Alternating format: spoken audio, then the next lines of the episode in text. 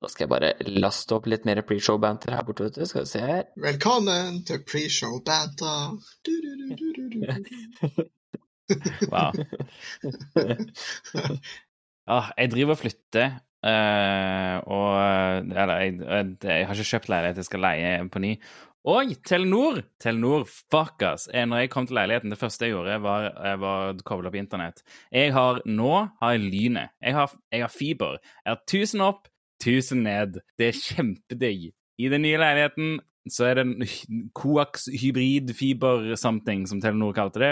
Jeg får 500 ned, da, som jeg er fornøyd med, men jeg får kun 50 opp. Og det tar de to dager i behandlingstid ifra jeg bestilte eh, til dette abonnementet, til jeg kan få internett i det hele tatt. Hvorfor det? Hvorfor tar det de to dager å behandle at jeg har bestilt internett? Kan de ikke bare gi meg internett? Kan de ikke bare aktivere pluggen i veggen? Det er jo en plugg der. Jeg hadde en boks, for den lå igjen. Jeg ga de serienummer på boksen. Hvorfor hva, er, hva slags to dagers behandlingstid er det de trenger? Ja, Dette var en sånn ting jeg òg lurte litt på, fordi hos oss, når vi flytta inn i denne leiligheten, så var det sånn sju dagers behandlingstid, og jeg er bare sånn Ja, men, men, men forrige, forrige leietaker hadde, hadde Telenor, på en måte. Why? Ja, Er det noen som skal gå inn Det, det, bor, det, altså det er en sånn fellesavtale for eh, leiligheten som er typisk. Og, eh, eller for hele hva heter det, blokken. Og, så, men det føles som de liksom hva Er de nødt til å gå bort til blokken og så skru på internett eller et eller annet? Jeg forstår ikke. Og, og jeg spurte liksom hva, hva, hvorfor det? Hvorfor tar det to dager? Og hun bare nei, det tar det er to dagers behandlingstid. Hvorfor det? Nei, sånn er det bare. All right, det er greit. For jeg mener, Hvis du på en måte har en sånn basic pakke for hele bygget, så burde jo den basic pakken være der hele tida, på en måte. Ja, det òg! Det er jo en sånn gratispakke. Ja, fordi at det har de I den leiligheten de bor i nå, så har de òg Lynet har en sånn basic pakke som er, eh, som er liksom 10 megabit, eh, megabit opp og ned. Og den er bare aktiv. sant? Hvis du ikke har et tegnet abonnement, så bare er den der. sant? Men Telenor, så er du nødt til å tegne et abonnement for gratispakken de har. Det som er basic, den som ikke er noe mer enn det du allerede har. Altså, bare for, bare for å legge til liksom first world problem-greia vi har gående her nå, da, uh, så, så fikk vi jo vi Vi har to lokale, eller vi har Altibox, og så har vi en lokal ISP som leverer eh, fiber eh, nå. Og, eh, og den eh, Vi fikk installert Vi fikk tilbud fra Altibox først, så vi installerte Altibox fiber. Eh, og så har jeg starta eget selskap og, og, og liksom tenkte at kanskje jeg skulle betalt for internett. Men så hadde det vært litt gøy å betalt for to fiberlinjer til det racket som står i kjelleren, og ha redundant fiber. Og så er jeg ikke, jeg er ikke helt sikker på hvordan jeg skal selge det inn til, eh, til eh, hun, som, eh, hun som egentlig styrer huset her, men det er veldig fristende å kjøre redundant fiber, fiber til serverrack i, i, i kjelleren. Og kanskje bare for moro skyld heve opp en sånn 4G failover i tillegg. Det hadde vært, det hadde vært ekstremt artig. Altså det, på en måte, Har du noen gang altså Jeg har ikke nettopp vært masse strømbrudd og sånn i Oslo, og det har vært en brann i, i Risør. Altså, jeg mener, Du må bare melke den der Hva gjør du hvis internetten forsvinner? Det er helt sant. Ja, ja, og, og UPS. Altså, det, det har jeg ikke investert i ennå, men det, det, det kommer.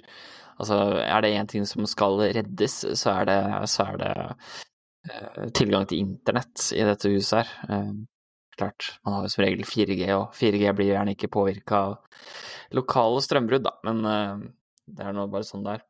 Jo, men, men 4G og 5G sprer korona, så på en måte vil du, vil du på en måte utsette deg for den risken som det er, eller vil du bruke wifi? på en måte? Ja, nemlig.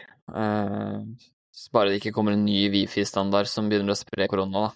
Uh, det er litt sånn New Order, New World Order-greie. At uh, de liksom ser at 5G, det var ikke Det var litt for public. Så de må gå på sånn Wifi 7-standard, eller hva det er for noe. Jo, jo, men det er derfor du har fiberredundansen, sant? sånn at på en måte selv om, selv om Mm. på en måte da governmentet prøver å, å bruke den ene linja, så har du den andre linja til overs, på en Mm. måte, sånn du kan.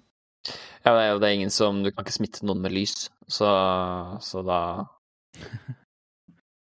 Lys er jo i bølger. Altså, det, it, it makes sense. Ja, fy faen. Velkommen til konspirasjonspodden, dere. Skal vi gå på eh, innledning? Du, eh, vil du ta den igjen, eh, Martin? Har ikke du Åh, tatt den på lov- lenge? får jeg lov til å gjøre ja, du får, ja, du får lov. Yes! Er det, er det riktig tall og sånt noe nå?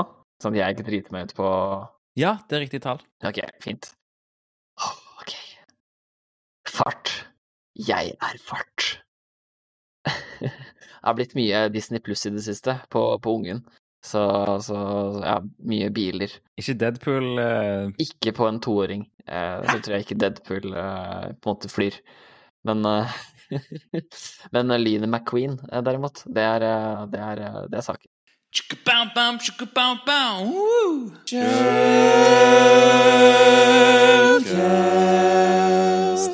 Hei, og velkommen til denne episoden av Skjellkast. Dette er episode 0x18, eller den 25. episoden.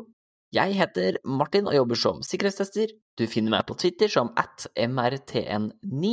Jeg heter Vetle, jeg jobber som pentester. Du finner meg på Twitter som at bordplate. Og jeg heter Alexander, og jeg jobber som eh, systemadministrator for Now, og du finner meg som at er det en ting på Twitter. Og så må vi ikke glemme vår fantastiske podkastproduser, person som holder oss i ørene, sørger for at vi eh, ikke bare snakker tull på podkasten. Vår kjære Elisabeth. Du finner henne som at eh, skanke understrek på, på Twitter. Følg oss på Skjellkast på Twitter-kontoen også. Det er da 503LLcast. Og følg oss på Clubhouse, på uh, Kameren, følg oss på LinkedIn og på Facebook og på, på Pornhub og hele pakken. Ja, men Clubhouse er jo virkelig Det, det er jo tingen nå. Altså, det at folk snakker sammen uh, via internett, det er jo en helt ny greie. Så Altså, Clubhouse, gå ut og del, eh, del eh, kontaktlistene deres, folkens. Her er det bare å spre moroa. Jeg er for så vidt på Clubhouse, hvis noen, hvis noen lurer. Har du invites? Ja, jeg har invites. Eh, Hvis noen vil ha invites til Clubhouse, så, så har, jeg, har jeg flust med invites, så det er bare, bare å si fra. Men, men vi må ikke glemme, ja, Vetle, kan ikke du fortelle den, eh, den glade, kjære nyheten eh, hvor, hvor folk kan strømme til fra, fra fjernt og nært for å møte oss på internett? Vårt Ja. lille sosiale samlingspunkt i eh, internettets dype, dype mørke. Hvis du vil strømme til fra fjernt og nært eh, for, å, for å kommunisere med oss på en mer real-time måte enn e-post eller Twitter, så har vi fått oss en kanal på Norsex sin Discord. Eh, så det ligger shownotes. Gå der. Eh, nå pekte jeg nedover som om det var liksom en sånn YouTube-video. Check the description! Links in description! Remember to hit the bell. like and subscribe. Men eh, ja, Norsec er en eh, Discord-kanal for eh, åpen for alle, eh, egentlig, som er interessert i datasikkerhet i Norge. Eh, snakkes eh, mye på norsk, eh, noe på engelsk. Og eh, ja, så gå inn i Når du joiner eh, Norsec, så gå inn i information-kanalen der, og så er det en eh, sånn rollepost fra Me6-botten. der du trykker på mikrofonen, og så får du opp eh, Shellcast-kanalene i eh, Norsec. Og der eh, er vi. Der kan dere eh, snakke med oss, ping oss, eh, eh, stille spørsmål, si ting Det er alt som er ting. Absolutt, og, og Shellcast sine disipler har allerede kommet strømmet til og, og stilt oss eh, et lytterspørsmål som jeg tenker vi bare kan kicke i gang med med en gang. Yes. Eh, nemlig dette eh, det, det står skrevet Ofte når vi holder opplæring eller snakker med brukere, eh, snakker vi ofte om de dumme passordene. Dumme i hermetegn. Dette kan være f.eks. sommer 2021 eller brann 2020 eller andre eh, sportslag. Eh, hvor ofte i deres erfaring kommer dere over slike passord hos brukere, eh, ikke systemkonto? Spørsmålstegn. Altså, for, for ofte Nei, altså, jeg vet ikke. Det, det er jo på en måte det, eh, Altså eh, Med utropstegn bak, holdt jeg på å si. Eh, Det er jo på en måte den litt klassiske Hva skal jeg si At man, man bruker, bruker ting man kjenner, og så, og så lager man det til et passord. Og, og på en måte i, i utgangspunktet så er ikke det ikke verdens dårligste idé, hvis du klarer å gjøre det langt nok, på en måte, men uh, altfor ofte. Altfor ofte. Jeg vil, altså, jeg, når jeg jobber på kundeservice IT-support, eh, så, så ja, på førstelinja så gjorde mine kollegaer dette hele tiden. De òg satte passord som var typ sånn sommer 2020 og eh, bedriftsnavn eh, 2020 og greier. Det er frustrerende. Så ikke bare har jeg sett det som pentester, men jeg har òg sett det så, når jeg jobber på førstelinje sjøl. Eh, der det andre bare er sånn Nei, men de må jo bytte det første gang de kommer på. Og Vi ber de om å bytte det med en gang etterpå. Så, herregud. Faen, ass. Du sitter her på førstelinje, og du snakker om hvor dum brukeren er. Og så lager du passord som sommer 2020. Jeg hater deg. Jeg hater deg. Du er Ja, nei. Jeg, jeg, jeg jobba jo som, som, lærer i liten stund, uh, og der uh, hadde På en måte, når, studentene kom på campus, så hadde de et default password som deres passord. Uh, som på en måte var et sånn der Alle kontoer ble oppretta med dette default-passordet. Og så var det på en måte antatt at når du logga deg på første gang, så endra du det passordet. En av de tingene som var litt funny, er at uh, andreårsstudentene de visste jo at førsteårsstudentene hadde det samme passordet som de hadde for i fjor. Uh, så det var et par luringer som da gikk og logga inn før og resatte passordene til førsteårsstudentene til noe random, sånn at de ikke fikk logga seg inn. sånn at wow. uh, og, det, og, det, er på en måte ikke første, første altså det, husker jeg en sånn veldig vanlig ting, for jeg kom på det når du sa det, eh, Vetle, at uh, det er en sånn veldig standard ting å ha et sånn standard passord som er på en måte et sånt uh, temporary passord som alle skal bytte, men som ingen egentlig bytter. Type sånn, Vi hadde folk vi kunne logge oss inn med standardpassord sånn, til jul og sånn type ting. Så I don't know. Det er, jo, det er, jo, veldig typisk at man, når man ruller ut nye brukere, som dere beskriver her, at man, eh, man setter ett statisk passord fordi man har ikke lyst til å drive og gi separate lapper rundt til hver enkelt person med liksom Ditt passord er dette tilfeldig genererte uh, ti tegn, liksom. Men uh, er jo på en måte helst det man skal gjøre, da. Altså i hvert fall force at man må bytte passord etter første, første login. Jeg tenker man kan kanskje med, med trykk på K uh, tilgi at man, at man setter liksom skole 1, 2, 3 som første innlogging, og at du liksom tvinger samtlige til å logge inn første gangen og bytte passordet. Men det er klart, da får man risikoen for at noen velger skole 1, 2, 3 utropstegn, og, og, så har man det der gående også. Så, så ja, det, jeg har lyst til å touche på noe som vi ikke snakka om ennå, og dette er jo hvorfor velger folk disse passordene? Eh, og, og, og det man ser, da, er jo at eh, det ofte er et produkt eller et resultat av at, eh, at bedriften eller organisasjonen forcer passordbytte jevnlig. Så hvis man har passordbytte kvartalsvis, altså type 90 dager eller, eller lignende, så, så, tvinger det fram høst, vår, vinter, sommer, sommerferie, vinterferie, påske, altså den type passord med, med med, med årstall, altså 2020 eller 2021 eller 21 eller lignende uh, hevd på slutten. Da. Og anbefalingen på dette er jo at man skal uh, altså NIST sa jo det for en stund tilbake siden at det er viktig at du bytter passord ofte og roterer passord, og det er kjempeviktig, mens nye måte, recommendations sier jo det at du skal ikke resette passord, du skal ikke tvinge passord-resets med mindre uh, du vet at kontoen er kompromittert. På en måte for å veie opp da, for at du ikke har passord resets, så må du sette en, et høyt antall characters, som altså typ 15 eller 16, jeg vet ikke hva NSM anbefaler nå, om det er 16 eller 18 eller noe sånt noe. Iallfall en god del tegn, da. Og det er lettere når du slipper å bytte det passordet hver andre måned, liksom. Da kan du ha et, en god lang setning eller et eller annet sånt noe. En god passphrase, da, som man kaller det. Men det er jo det er litt sånn preaching for the choir nå, kanskje. Men ja, men jeg tror, jeg tror, problematikken ligger i det at som mennesker så er vi på en måte per definisjon assosiasjonsbaserte. Så, så vi, tar, vi, tar, ting vi kjenner det, tar ting vi assosierer med. Og, og, og, som du sier, når en da må bytte passord hele tida, så blir det til at OK, men hva, hva er mine immediate assosiasjoner, på en måte? Og da, da blir det fort sånn.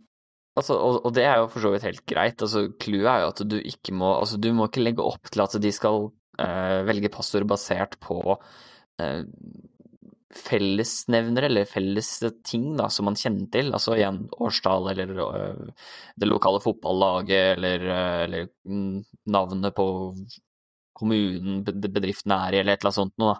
Altså man, fordi at litt av risikoen, altså den største risikoen slik jeg opplever det for bedrifter, er jo at når man velger vinter og vår og sånt noe, så er det lett å gjøre, gjennomføre passord-spraying-angrep. Altså at du tester ett passord mot mange kontoer, som da omgår disse klassiske brute force eh, lockout-greiene. Fordi du gjetter ikke ett, nei, mange passord på én bruker, du gjetter passord, nei, ett passord på mange brukere.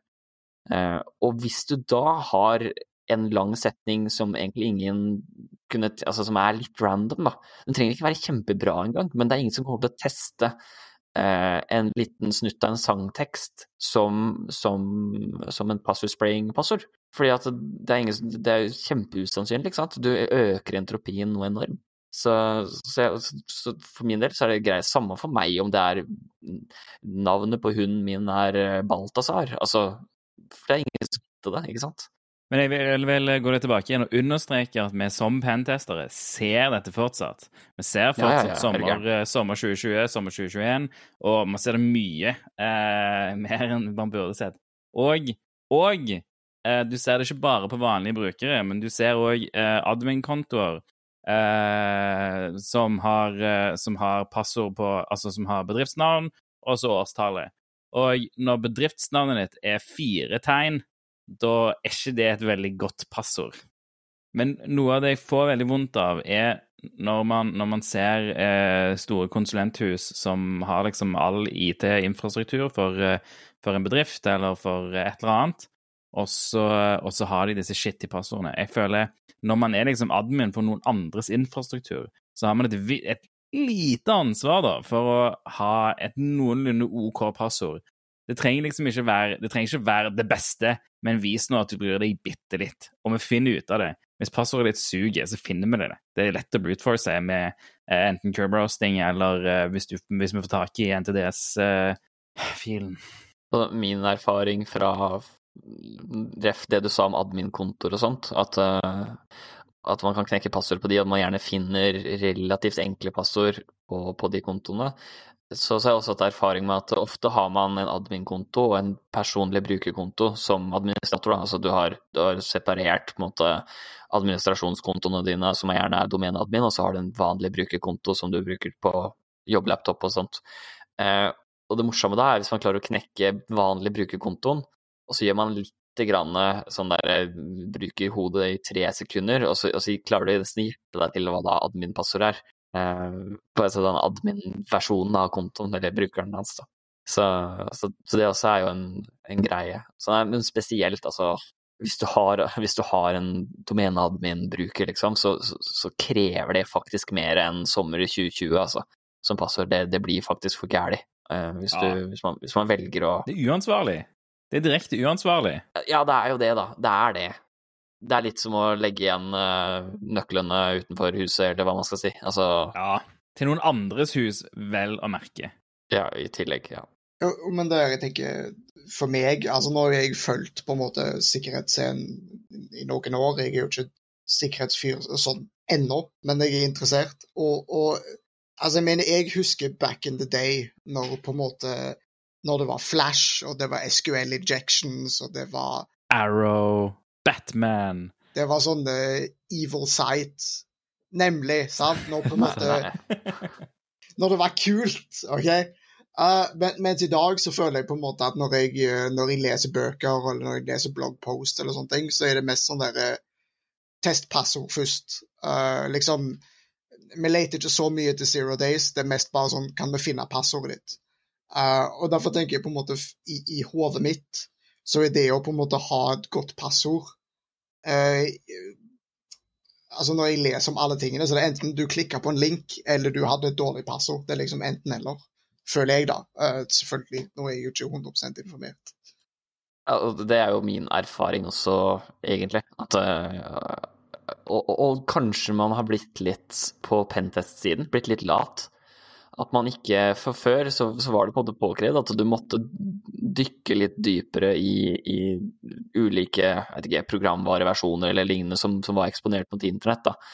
Uh, var det en rar service, så måtte du bruke litt mer tid på, på, på måte, kanskje reverse engineer og litt sånt, mens i dag så er det liksom ja, passord spray goes brr, og så og, og så er du på en måte ferdig med utsidetesten.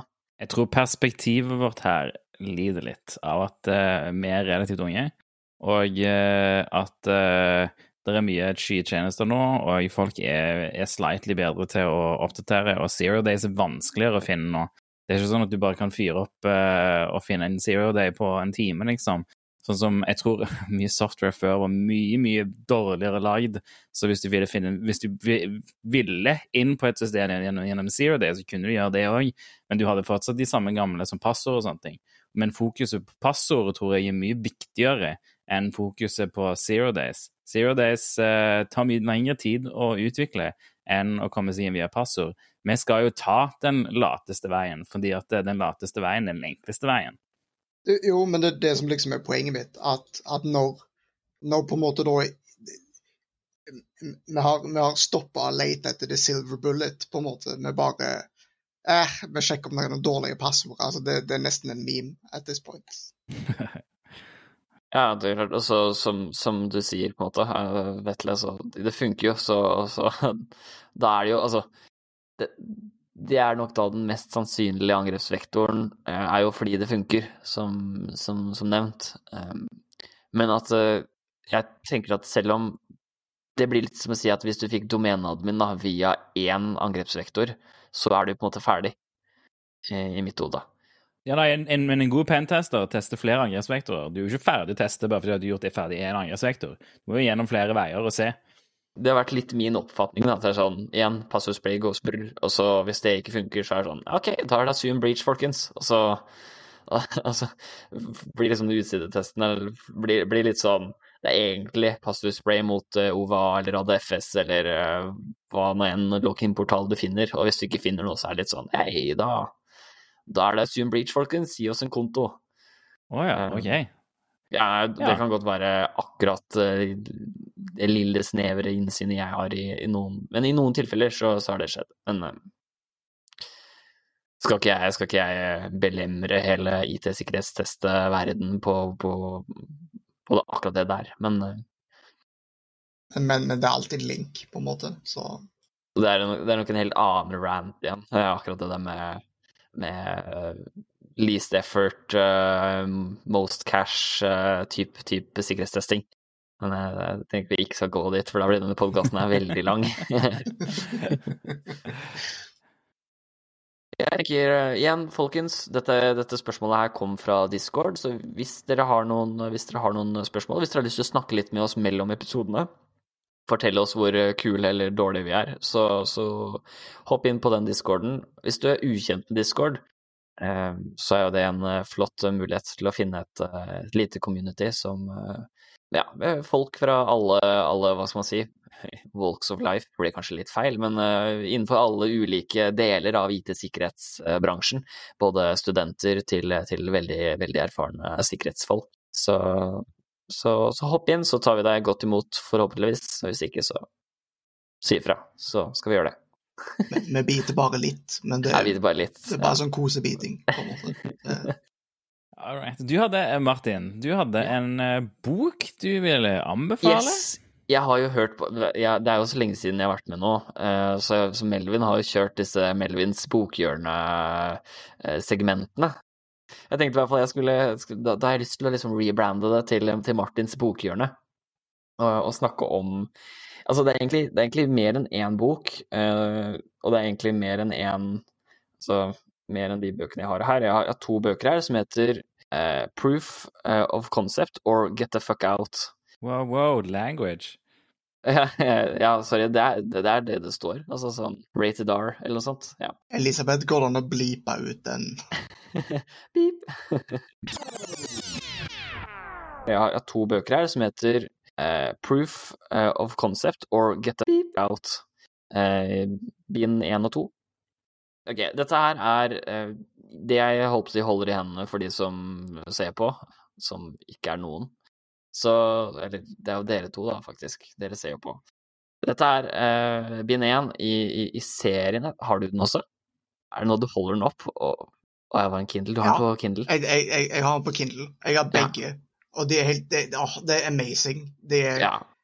Ja, men, men du, du, jeg skal ikke stjele din Thunder og gjøre det til Alexander sin bok. eh. Ja, nei, men det, det. Jeg kan dele bokhjørnet, jeg. Det, det er fire hjørner i et rom, gjerne, så Men la oss ikke spore helt om topic, beklager. Men eh, proof of concept or get the fuck out er egentlig sånne e-signs, eh, altså sånne PDF-er du laster ned fra internett, eh, som, som er en samling av artikler som dreier seg om eh, hacking i en løs term. Jeg vil, jeg vil si altså hacking, eller ikke løs, hacking er sånn den originale hacking eh, liksom. Sånn tilbake når, når man gjorde ting for moro skyld og, og lekte med filformater eller eh, lagde proof of concepts og bare sånn masse kule ting. Eh, så ikke, ikke passordspraying og, og phishing, liksom. um, I hvert fall uh, det er laget eh, det, Dette er jo egentlig sånne magasiner, altså e-signs, som eh, Men så har de også laget fysiske bøker, og jeg tror det kommer en versjon tre også, eller volum tre. Eh, og dette her er eh, bok nummer én, ser ut som en bibel, egentlig.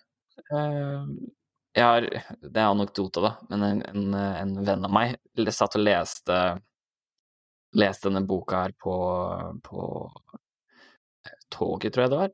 Eh, og det som er at den har sånn, eh, sidene har sånn gullkant. Så jeg vet ikke om dere kan se det på kamera, men det er sånn eh, Det ser ut som en bibel. Så man skulle da tro at han sitter og leser bibel på, på toget. Så det var noen som hadde spurt han om, om nettopp det, da. Eh, så han hadde da mulighet til å fortelle dem om eh, hackingens eh, mørke undergrunn. Teller det som forkynnelse?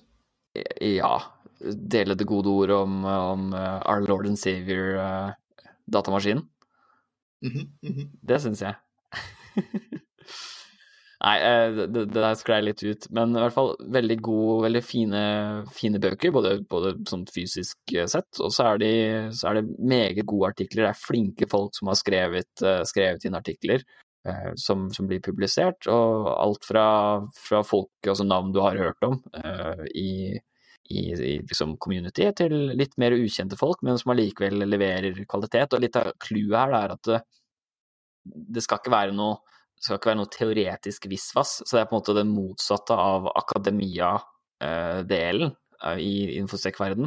Så, så her er det, hvis du ikke har en proof of concept, hvis du ikke har gjort noe eh, hvis du ikke har gjort noe, eller har liksom skrevet kode, eller faktisk implementert det du forkynner, så, så blir det ikke med. Så du må, du må skrive kode, og du, alt må, må inkluderes da, for å kunne være med i, i, i disse bøkene. Så det er veldig kult.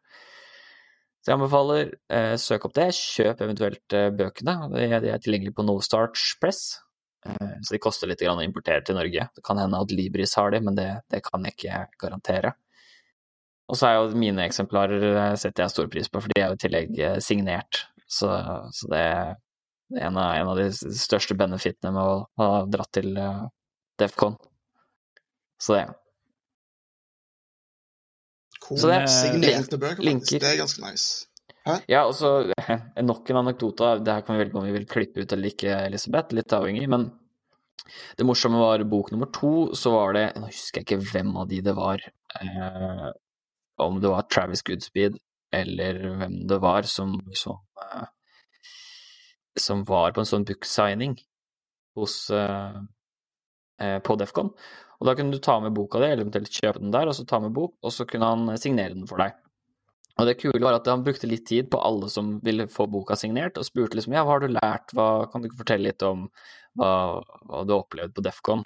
Eh, Og da sa jeg vel noe sånt som at eh, jeg, ikke, jeg skjønner at jeg har mye å lære innenfor krypto, og har drevet med noen kryptooppgaver på det tidspunktet, så jeg liksom tenkte at det, det kan jeg svare. Eh, Og da begynte han å legge ut om, om hvordan du kunne liksom finne ut om pseudo-random number generators faktisk er i hermetegn random, da. Eh, og nå kan ikke dere lytterne se, men da tegna han opp en liksom, XY-akse og begynte å liksom plotte inn eh, prikker og liksom forklarte at eh, ja, hvis du plotter masse tall eh, som i hermetegn er randomly generert i en XY-akse, så hvis du får clusters av prikker, så vil du da på en måte ha en pseudo-random number generator som, som ikke, like, altså ikke produserer så gode random resultater, da, at du får clustering av, av punkter. Eh, Og så la han vel på at det er sånn, dette er sånn snø produseres i, i spill, blant annet. Altså du, du har en dårlig random number generator som, som da produserer sånne cluster av prikker, og da får du snø. Så veldig spesielt. Det er en uh, litt drøy anekdote, da. Men uh, så det, de, de, har mye sjel, disse, disse bøkene og disse uh, e-signene. Så det anbefales å lese. Ja, og nå, nå fikk jeg inn fra vår kommentator Vetle at, at de er tilgjengelige på Alibris, ser det ut som. Yes. Adlibris har mye av Nodestarch-bøkene. Mm, så og de har til og med Get uh, POC og Get the Fuck Out uh, volum 3, uh, som ikke er ferdig ennå, regner jeg med, men uh, Ja, det lurer jeg litt på om det er, faktisk. Ja, han ligger nå i hvert fall her, på, på Adlibris. Du finner det hvis du søker på, G på GTFO. Jeg fant det ikke først når jeg søkte på sånn som navnet egentlig staves. De har skrevet litt feil, men Januar 2021 ble den releasa, så den er tilgjengelig. Ja, ikke sant? Ikke sant? Den også ser, ser litt ut som en bibel. Jeg regner med de alle gjør det. Det er jo, det er jo greia. Ja. Nummer to er litt sånn grønn, og så har den eh, igjen for de, de, som, de som kan se. de som, de som ikke kan se, så er det eh, på en måte på siden av, av eh, Hva skal man si? På siden av, siden av sidene. I, ja, hvis, man, hvis man ser Hvordan skal jeg forklare dette her, folkens? Det hadde sett ut som en god tatovering. Ja, ja, nemlig. OK, det er dette er sånn circuit, sånn, sånn wiring circuit. Ja, stemmer. Ja. Eh, som på en måte er printa på, på, fysisk på sidene, altså helt i kanten på sidene. Sånn at når, du, når boka er lokka igjen, da, så kan du se en sånn circuit på sidene. Eh, ja. Dere får kjøpe boka, så skjønner du hva jeg mener. Men hva det er for noe, det er HT48C06 Nei, jeg har ikke peiling. Det er noen sensorer her og noe LED-ting. Nei, men det var alt fra Martin og halvveis Aleksanders uh, bokhjørne. Ja, fordi jeg tenkte, siden bare for å gjøre det til, til min greie, så tenkte jeg jeg skulle bare En sånn bitte liten rant helt på slutten. Uh, fordi det som er fantastisk med disse bøkene, er Det har skjedd meg Altså, nå er det mest hack the box-relatert, da, men uh, det har skjedd meg en del ganger at jeg på en måte leter Jeg søker opp en tjeneste, og så søker jeg opp en exploit, og så Ja, her finnes det en exploit. Og så oh, nice, awesome, her finnes det en exploit. Og så går du inn, og så åpner du opp den exploiten, og så er det sånn Ja, altså, hvis du gjør sånn, så kan du teoretisk få til å gjøre sånn og sånn fordi Altså en matematisk formel. Og så sitter jeg der og sånn Ja, men men, men, kan du gi meg noe Python-kode eller noe C-kode? Kan, kan, kan, jeg få noe jeg kan bruke? Um, og det er det som er helt fantastisk med de uh, eh, POC og GTFO, er det at uh, for det første så lærer du hvordan du kan skrive Altså, de har jo da skrevet proof of concepts, så det betyr at du, du kan se på dem, og så kan du tenke litt hvordan, hvordan skriver jeg en proof of concept. men òg i tillegg så, så, er det sånn at de tingene som de har der, er faktisk med proof of concepts, sånn at det, det, er faktisk exploit. Det er ikke bare en sånn Ja, nei, men altså, vi har funnet en sånn teoretisk greie ved hjelp av en eller annen skanner, og det, det er uh... og, da, og, da, må jeg jo nevne, uh, siden litt av det morsomme da, hvis du laster ned PDF-ene fra internett, er at de, de, de, gjør mye sånn filleking. Altså de leker med filformaten og sånt. Så du kan unzippe gjerne PDF-en, og da får du uh, filene, altså proof of concept-koden, som er i, uh, i, boka, eller i PDF-en. Veldig spesielt. Og, og de har også lagd noen versjoner som du, du, kan loade, altså det er et valid NES-rom. Uh, så du kan loade det i en sånn NES-emulator. Og så hvis du starter den da, så vil den printe hashen, altså som er ND5-hashen eller noe sånt, på den faktiske fila. Så hvis du de hadde klart å putte MD5-hashen inn i et NES-rom som er MD, MD5-hashen på, eh, på, rommet og på en måte PDF-fila, da. Eh, ja, mind blown. Det er helt sykt Og så forklarer de da hvordan de gjorde det inne i boka. Så det er, det er, det er, det er noe det er, Altså, det er som sagt, det er hacking liksom sånn originalt. Sånn hardcore, ordentlig. Sånn som du, du liksom du, du, Det er da du skjønner at du, du er eh, Du var en fjert når det kommer til eh, hackescenen, liksom. Det er ikke bare fagstoff. Det er ikke sånn at det er en bok du leser deg ned, og så må du lese masse fagstoff. Det er Nei, ikke sånn nei, ah, nei. sånn funker phishing, og sånn gjør det red teaming, og sånn, bla, bla, bla. Det er liksom, det er gøy. Det er folk som, eh, det er folk som skriver om hacks de har gjort, da. All right. Jeg tenkte vi skal begynne med en, eh, med en gladnyhet. For forrige uke så var det HackOn, og eh, der eh, var det òg en konkurranse om hvem som er Norges eh, ja, master of cybersecurity. Så, eh, så jeg har titulert denne nyheten som Norges desidert beste IT-sikkerhetsfolk i historien. Oi, det er store ord. Det er store ord. Og, og vet, er det noen her som vet hvem som vant Master of Cybersecurity-konkurransen i år? Nei, jeg vet ikke Har du hørt hvem det er, Vetle? Nei, jeg er litt usikker. Martin, har du hørt hvem det er? Nei, altså Det eneste jeg skjønte, var at det var en fyr som var veldig ydmyk, eh, og som, eh, som på en måte rett og slett fortjente en seier. Det, det, var, det var på tide, tenkte jeg, at han eh, fikk seg Nei, uff. Nei, det, ja, det er meg, da. Eh, og holdt på å si takk. Takk for, takk for at du har tatt med denne saken. Det var jo også Hackon, Master of Cyber Security-konkurransen. De har jo kjørt en sånn kvalifiseringsrunde nå i januar. Jeg tror ikke de begynte før i januar. uh, Januar-februar. Og eh, det har vært Vi har faktisk noen fra Shell som har vært med og lagd, eh, oppgaver. Og eh, når man da har klikka seg gjennom disse spørsmålene og litt sånn praktiske oppgaver, så hvis man har klart alt, så har man blitt invitert i en finale, og i den finalen så var det eh, 20 stykker. Eh, egentlig 21, men så var det en som ikke møtte, eller kunne møte. Eh, og da var det en eh, sånn tradisjon tro, en Kahoot-finale. Det er, jo, det er jo liksom typisk på Hackon, det har det vært de siste fire åra. At man har finale med Kahoot live. Eh, Litt annerledes i år, siden det var via Zoom, men eh, det gikk, eh, det gikk jaggu meg denne gangen også. Så, så ja, 21 spørsmål om å gjøre å få flest mulig riktig. Og vinneren eh, vant eh, 30 000.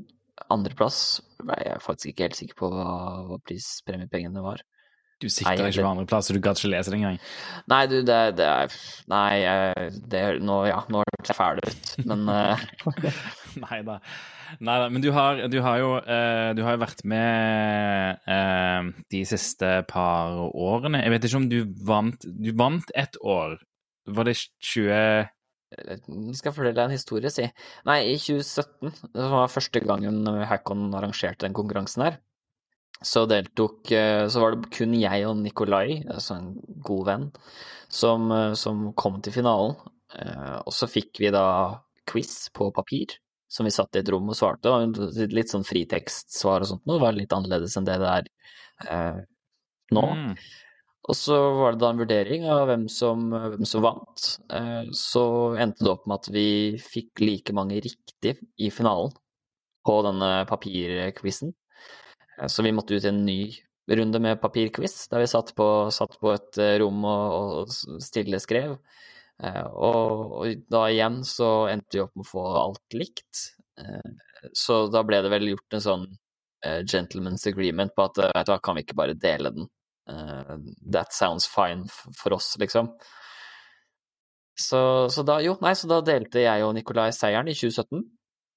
Eh, og så i 2018 så, så var det en god venn som heter Simen, som vant. Eh, året etter der igjen så var det en som het Bendik, som vant. Eh, også en god venn. Eh, og i 2019, nei, 2020 så vant Simen igjen, så han er faktisk den eneste med to individuelle seire på, på, på Hackon. Så var det mm, jeg som endelig fikk min første individuelle eh, seier i år. Skal du følger du med i historien da, at jeg har fått andreplasser eh, altså både, både i 2018, 2019 og 2020, så, så det var jo deilig å endelig, endelig hoppe det siste steget opp på pallen. Så Jeg, vil, jeg vil si du, du fortjente denne seieren. ja, takk. Det var på tide. Ja, det var, jeg var, jeg var ett, jeg var ett svar unna i, i fjor. Jeg og Simen Simen hadde svart litt raskere enn meg, og det er jo det, som er i hermetegn det kjipe med Kahoot, at hvis du er rask på fingeren, eh, så, så får du mer poeng enn hvis du håper jeg tenker deg om. Og det lønner seg å være rask. Det lønner seg å være rask, og der var Simen raskere, og vi svarte begge feil på det siste spørsmål. Eh, Som, eh, som jeg, sånn i retrospekt, så, så skjønner jeg ikke at jeg svarte feil, men det gjorde jeg på det tidspunktet. Så sånn, sånn er det bare. Og så stakk han av med seieren. Det var kjipt, så i år så tenkte jeg nå skal jeg få alt riktig, og så gjorde jeg heldigvis det, da, så det var jo gøy. Så det var Master of Cyber Security. Um, så har jo Hackon, de har jo kjørt denne IT Secpro uh, uh, Hva man kaller det, konferanse? Sikkerhetsmåned, er vel det de har kalt det. I, nå i hele februar. Så nå nærmer de seg Nå er de vel ferdig, tror jeg, med, med den. Og så vidt jeg har skjønt, så har det vært en uh, ganske god suksess. Uh, masse flinke foredragsholdere. Uh, så, så blir det spennende å se om de gjør noe tilsvarende neste år, da. Det hadde jo vært veldig kult. Ja. ja, nei, mens vi er inne på konferanser, så kan jeg jo nevne at B-Sides B-Sides Oslo ble utsatt igjen uh, pga. korona til ja, rundt uh, mid-mai 2022. Mm. Så uh, det ble lang tid mellom B-Sides. B-Sides uh, synes jeg var, var behagelig. Jeg, ja, nei. B-Sides har bedre venue, synes jeg enn Hackon. Derfor bare savner jeg B-sides. Altså, ja, jeg vet ikke, jeg. Syns B-sides det, det, ble, det kunne ikke vært noen flere der, for det ble trangt. Det er sant. Eh, Det var jo, på det tidspunktet var det jo Smesh på ja, i Oslo. Jeg kan ikke gatenavn i Oslo, det er ikke min sterke side, men nei, det var i hvert fall på Mesh. Eh, Og det, det, det, var, det var fullt, kan man jo si. Og folk satt ut på sidene, og, og det var litt vanskelig å se noen ganger og sånt, så Men, eh, men så, så, da var det snakk om at de skulle ha andre lokaler denne gangen. Ja, de, skulle, ja, de skal det. De skal ha det. Ja, ja, absolutt. Vulkan, var det ikke det? Eh, jo. Jeg, det var i hvert fall det som var planen uh, i 2020. Så vet ikke jeg hva som var planen i 2021, uh, og jeg vet hvert fall ikke hva som var planen i 2022, men vi får se. Nei, men B-Sides òg har jo en veldig eh, eh, attraktiv eh, pris, da. Er vel, eh, er vel det beste med det. At eh, Jeg husker ikke hvor mye det koster, om det var 200 kroner eller om det var noe sånt. Men det er liksom tilgjengelig da for studenter. Det er ingen som trenger å, å, å ta ut et ekstra lån for å, for å dra på konferanse hvis det er noe de ønsker å gjøre som studenter. Jeg føler det er fin eh, det er absolutt en fin plattform for, for folk som ikke jobber i sikkerhetsbransjen òg. For det er det jeg synes er trist med mye konferanser, at, de så, at det er så dyrt. At eh, hvis, du, hvis du har lyst til å dra på konferansen, så er du nødt til å få det støtte gjennom jobben din, eller betale masse penger for, eh, for å bli med, som, som gjerne ikke er helt tilgjengelig for alle. da. Nei. Det er sant. Jeg, eh, jeg betalte, jeg og Nikolai da, faktisk, vi spleisa på hotellrom og, og sånt eh, første gang vi var på Defcon. Eh, Men det ble det, det var ikke noe man på en måte har råd til å ta seg Eller ja, mulighet til å ta seg råd til hvert eneste år. Så det, Mm. Det blir fort dyrt, spesielt hvis man skal langt, da. Eh, Men jeg syns både, både Hackon og, og B-sides Klart B-sides har vært enda billigere, da, men Hackon også hadde sånn studentrabatt. så var det Ja, 500 kroner eller sånt nå for, å, for å være med. Så det er kjempetiltak. Det er, jo, det er jo så fint at man får Da er det low barrier to entry for for, eh, for folk som kanskje bare er litt interessert. Da. De, de har lyst til å se er dette er noe for meg, er, er dette et miljø som jeg kan like meg i. For det er jo litt sånn at du må, du må prøve det før du finner ut av det. ikke sant? Og hvis det da koster eh, 10 000 kroner å være med, da Det er ingen som gidder, ikke sant? Nei, nei. Så, nei, så det er kudos til, til de som driver og bygger konferanser i Norge. Vi har jo noen andre, sånn sikkerhetskonferansen til NSM, og så har du hva heter det, høstkonferansen til, eh, til ISF, blant annet. Sikkerhetsfestivalen, tror jeg det heter nå. Ja, men det er vel Det var en sånn special event-greie, var det ikke det, egentlig? Ja, samme det. Jeg fikk veldig mye sånn teltassosiasjoner akkurat på den sikkerhetsfestivalen.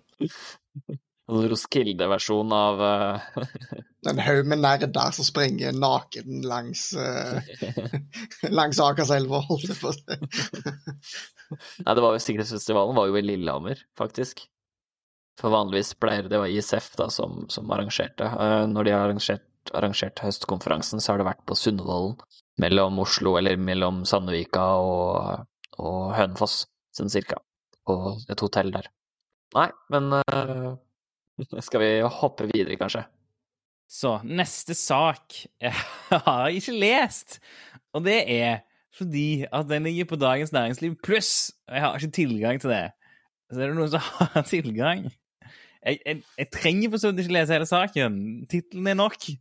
Jeg tror jo for så vidt tittelen er nok, men det var jo da Det var da et selskap til nylig, var det ikke det, da? Som, som, gikk ut og offentliggjorde at de også var For de som ikke henger med nå, så er det fullt forståelig. Vi snakker om saken som lyder så her oljefondet rammet av historiens største hackingskandale. Det er klart det blir jo ikke mer tabloid enn en det. Det var jo det at denne forgifta, hva skal man kalle det, forgifta oppdateringa som, som, ble pushet til SolarWinds, viser det seg at også oljefondet har, har installert. Da. Så sånn, sånn er det. De har vel ikke gått ut med noen sånn kjempekonkrete detaljer på om de har funnet noe, eller om de har blitt, om de har blitt targeted på noen måte. Nei, det, det står ingenting mer. De bare sier at uh, vi, US Pentagon og et titalls norske aktører og mange utenlandske installerte den sårbare versjonen av SolarWinds. For oss skjedde dette i en rutineoppdatering i juli. Så jeg tar dette, er fall at de, at de oppdatere programvaren sin, så det er jo bra. Men uh, ja, for det var det jeg skulle til å nevne. Jeg er den eneste som ser ironien i at uh, oljefondet gjorde det de skal gjøre, og allikevel ble eid, på en måte. Ja, Det er liksom helt problemet med supply chain, da. Er jo, er jo at hvis du er rask med å oppdatere, så bare bam, er du eid, liksom. Så Derfor har jeg aldri oppdatert noen ting som helst hjemme. Kjører fortsatt Windows 7. Windows 7 er det beste OS-et. Ikke noe vits å oppdatere noe som funker. Altfor redd for supply chain attacks. Jeg kjører Ubuntu 1604 fremdeles. og så er det jo, føler jeg det hører med historien, da. Dette med Digi skrev, skrev en artikkel nå nylig om at Microsoft påstår at det er over 1000 hackere som sto bak SolarWinds-angrepet. Eh, og hvordan de klarer å, å, å, på en måte feste antallet på, en, på, en, på et dataangrep, det vet ikke jeg. Men, men, det er nå engang sånn, som det står skrevet, at, at det er tusen, mer enn 1000 hackere. Nei, her er det veldig tydelig. Microsoft har sett på kvaliteten på koden, og så har de sammenligna det med kvaliteten på sin egen programvare. Så har de sett at vi, for å oppnå denne kvaliteten, så må vi ha 1000 utviklere. Da, da er de nødt til å ha 1000 utviklere. Det er enkel korrelasjon, synes jeg. Det er logikk som det ikke er feil ved, tenker jeg. Ja, så så er jo spørsmålet bare da, hvor, hvor, mye lit setter man til 1000 utviklere hos Microsoft? Hva tror du? Tror du der hjemme, du som sitter der hjemme, hva tror du at Microsoft klarer med 1000 utviklere? Det er sånn uh... Altså, det, det, det, er jo tydeligvis noen hos Microsoft som ikke har lest uh, Mythical Man Month. Uh, boka som, som snakker om, om, dette problemet, at jo flere kokker, jo mer søl. Uh, altså, det er jo mm. analogien her. Altså, se for deg da, å, å drive Altså, jeg, det finnes selskaper med, med 1000 utviklere. Pluss, pluss, pluss, pluss. Så, så, det er ikke det som er problemet. Men altså, det skal være 10 altså, 1000 hackere som målrettet har angrepet eller prøvd å hermetegn penetrere eh, SolarWinds og, og, og, de kundene, det er jo selvfølgelig sikkert sannsynlig. altså De har vært involvert på en eller annen måte, da, men det er liksom måten de fremstiller det på. Se for deg tidenes jævligste Gira-prosjekt. Altså Ok, dere, da skal vi kjøre scrum. Da er vi bare 1000 stykker. Eh, ok, er det noen som har lyst til å lage en Uh, as a user så har jeg lyst til å hacke SolarWinds. Uh, OK, da bryter vi opp den, folkens. Har dere noen ideer? Kanskje vi kan spille sånn derre uh, sånn, sånn kortspill hvor du prøver å, prøver å liksom legge tidfeste hvor lang tid du bruker på ulike tasks. Planning poker heter det nemlig. Begynne å dra inn scrum-metodikk og litt sånne ting. Og, og daily standups med, med 1000 hackere. Det ser for meg det, det tar tid. Ja, det var, vet du hva, nå fikk du meg til å Nå så jeg for meg liksom Jonas, nå må du fjerne alle nullbitesene i skjellkoden vår. ok? Hvor langt er du kommet? også? Nei, sorry, jeg har ikke hatt tid. liksom, Det er korona. og... Du fordeler bare én bit på, på hver, hver, ansatt. Så har du 1000 bits. Det er jo Da begynner du å nærme deg skjellkoden, da.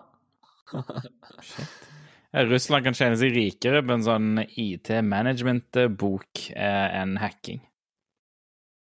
Ja, for det er dette jeg mener å ha lest. Altså nå, nå, kan jeg ikke huske hvor jeg har lest det, eller noen ting. Så på en måte Sorry, lyttere. Jeg gir dere ingen garantier for at dette er riktig. Men jeg mener å ha lest at hvis du er mer enn seks i et team, så slutter teamet å fungere. Så hvis du skal gjøre sånn eh, skrømmetodikk eller sånne ting, så må du dele opp i seks stykken per team, og så må du dele det opp i hovedteam osv. osv. Men, men, det, men det, som sagt, jeg har ingen, ingen kilder whatsoever. Du er kilden. Alexander er kilden. Altså, ja, jeg har sagt, eh, som, som, kom på med tidligere, det står skrevet i, i Alexander-boken 2.4 at du må ikke ha mer enn seks stykker i teamet ditt. For alt i verden.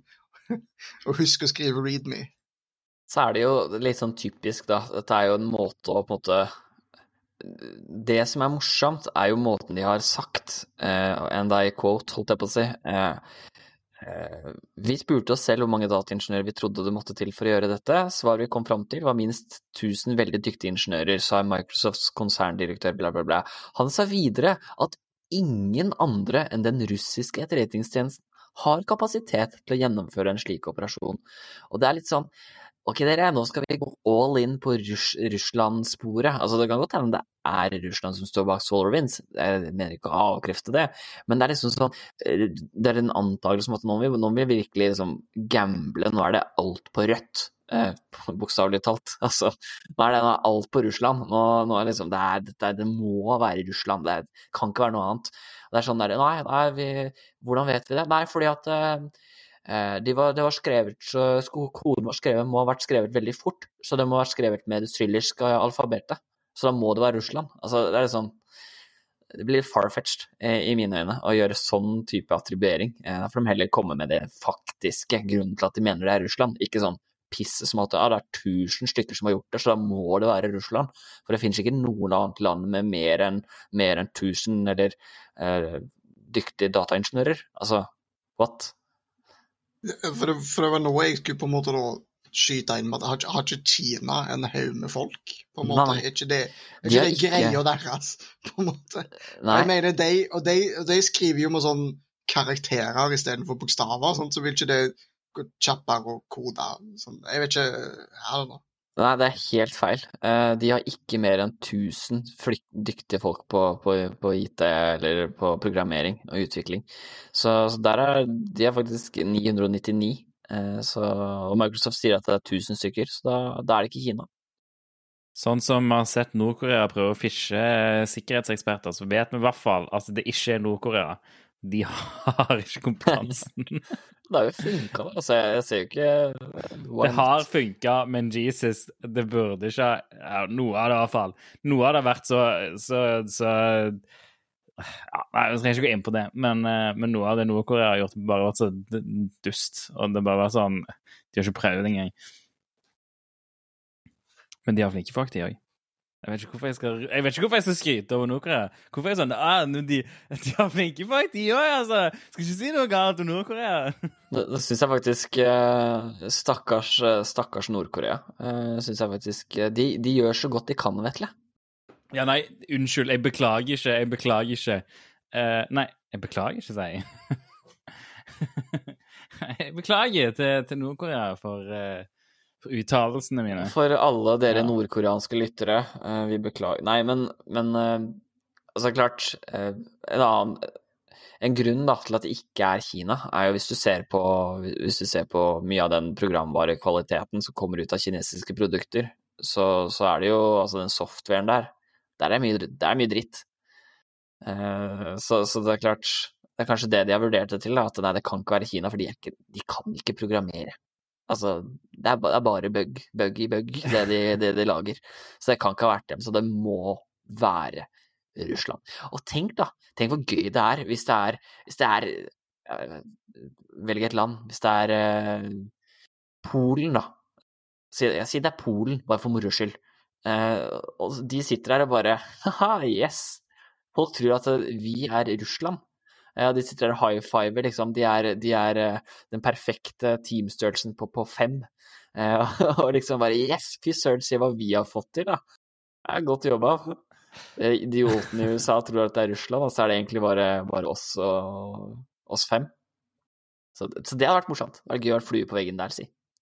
Ja, absolutt. Basically, den polske presidenten gikk på Fiver og bare hyra en haug med folk, og nå er det et APT-team, liksom. Eh, det, det er jo en morsom ting. Eh, veldig anekdote. Men det er jo folk som har eh, publisert sånne testresultater fra folk Altså, de har lagd en vulnerable, vulnerable nettside, og så har de hyra hackere på Fiver til å gjennomføre en pentest. Og så har de sett hvor, hvor mye de har klart å finne av, av, av sikkerhetshull og sånt. Så det er Jeg tror han ene, det var vel faktisk en sånn Nessus-rapport-dump. Og sånn Blæ, vær så god. Gøy. Så ja, anekdote, men Fiverr, det er gøy. Fiverr er bra for uh, å kjøpe raske, enkle logoer, ikke en pentest. Public, public service announcement. Bare sånn i tilfelle folk lurte. Jeg, jeg vet ikke hva jeg skal sammenligne med å kjøpe en pentest fra Fiver. jeg, jeg kommer ikke på noe som er dårlig nok i sånn fysisk eh, eh, term. Det er ikke som Ikea, for Ikea har noe kvalitet. Ikea er bra. Altså, jeg, jeg vil si at hvis du først har kommet til det punktet i livet der du kjøper en pentest på Fiver, så føler jeg at du fortjener en Nessus-rapport. Det er på en måte bare en Det er en viss sånn der eh, Hva skal jeg si? Det er en viss sånn der eh, karmisk sånn sirkel som på en måte bare blir gratified, føler Men det er nok billigere enn å kjøpe Nessus sjøl, da. Så Det, det er sant, det. Men eh, det tar ganske lang tid for den personen å, å repaye den Nessus-lisensen på 30K, eller hva det er for noe.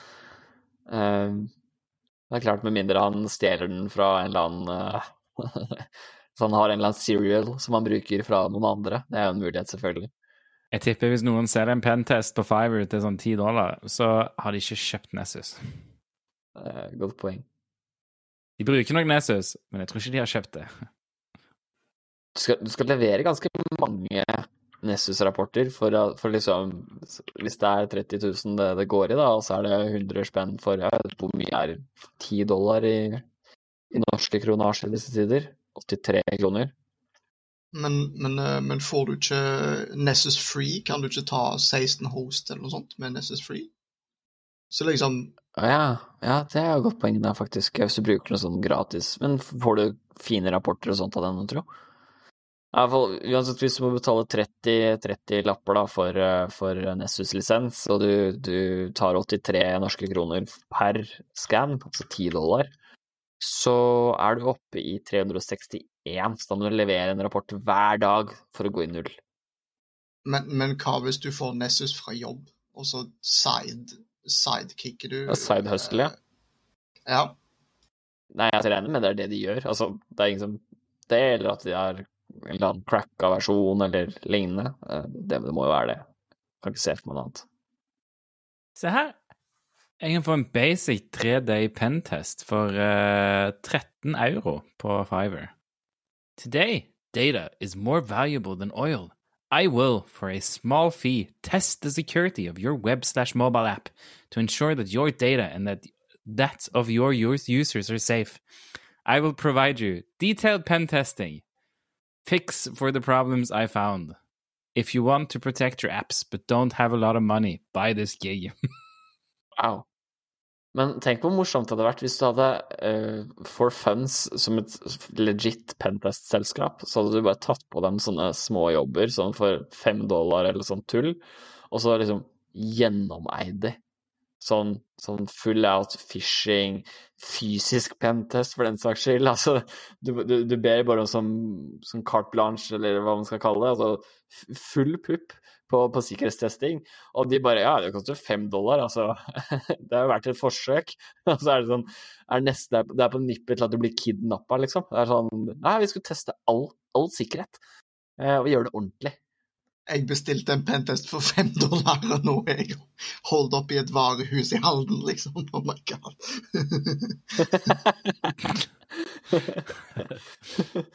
Perimetersikring dårlig. Uff. Eit.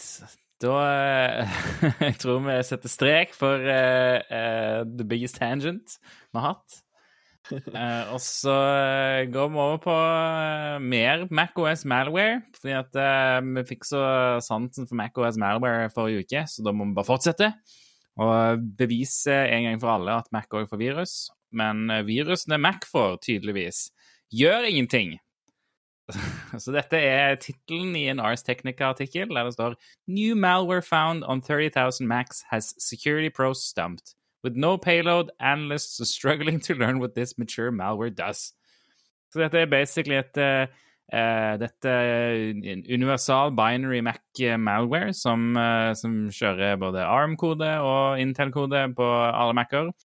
Og respektivt, da. De som kjører Intel og ARM, selvfølgelig. Uh, men de gjør ingenting. De, eh, det er basically en rat som ikke har noe payload eh, just yet. Så det er egentlig det vi vet.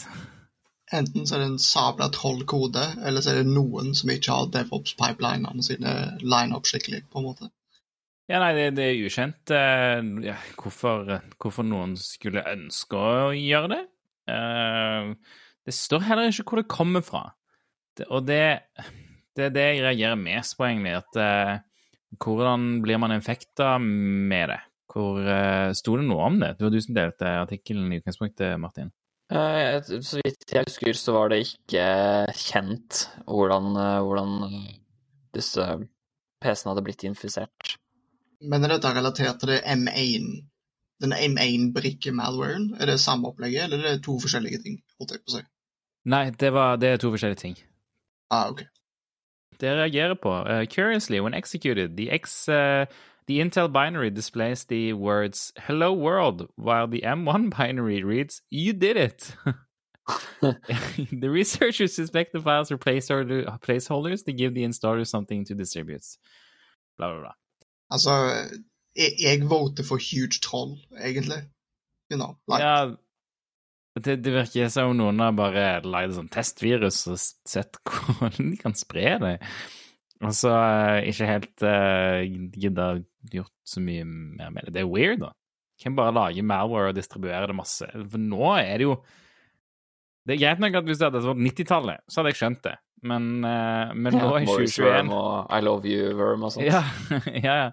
Men nå det å bare distribute malware som ikke gjør noe, og som har You Did It og Hello World hva, Hvem, hvem risikerer eh, straff for det, liksom? Ja, Den burde jo slengt inn et Twitter-handle der og Adware, et eller annet. Ja, for det var det jeg holdt på å si. Altså, du, du må i hvert fall ha en eller annen sånn signatur, sånn at du om når statute of limitation går ut, så kan du på en måte det var meg hele tida, på en måte. Ja. ja. absolutt. Men spørsmålet er jo om dette er ferdig med å spre seg, eller om det fortsatt sprer seg.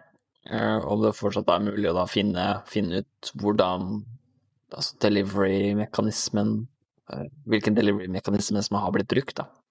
Ja, Apple har uh, trukket uh, Trukket utviklersertifikatet for for dette. Og Apple har litt mer balletak eh, på hva du har lov til å kjøre på maskinene enn det Microsoft har. Så som regel eh, Du kan kjøre alt, du må bare høyreklikke og trykke 'open' i stedet for å dobbeltklikke på det. Men de fleste vanlige brukere vet ikke det. Så det hjelper egentlig ganske mye, tror jeg. Um, vi får se. Ja, for mitt spørsmål var om det var et sånt social engineering attack der du starter med å hive ut et malware som ikke gjør noen ting. Sånn at når uh, security-folk ser det uh, Ser lignende signaturer eller lignende malware senere, så tenker de at ja, ja, men det var det der som ikke gjorde noen ting, og så ble du eid. Ja, men eh, det hadde, altså, det hadde gitt mer mening hvis det ikke sto noe. Hvis det ikke var liksom 'Hello World' og 'You did it' uh, i, i binaryen. Og uh, uh, ja. Ja, nei, og det, og det òg lurer litt på hvordan Altså, hvis det ikke gjør noe Det er litt sånn som et virus, altså et menneskelig virus som ikke gjør noe. Det, det skal det til for at man oppdager det i utgangspunktet. Hvordan oppdager du et datavirus som ikke gjør noe? Hvis det ikke har noen symptomer whatsoever, hva er det? For det, jeg mener jo def definisjonen, sånn som jeg lærte det, det er jo malicious software er jo på en måte Altså Hvis du kunne kalle det et virus eller, eller malicious software, så må du jo se altså det er malicious, it's in the name, sant? Så hvis det ikke gjør noen ting, er det per definisjon malware? Altså På en måte Det kan man si. Jeg vil si capabilitiesene her eh, som det har mulighet Altså de, de tingene det har mulighet til å gjøre, er nok eh, verdig en eh, malware-tittel på det.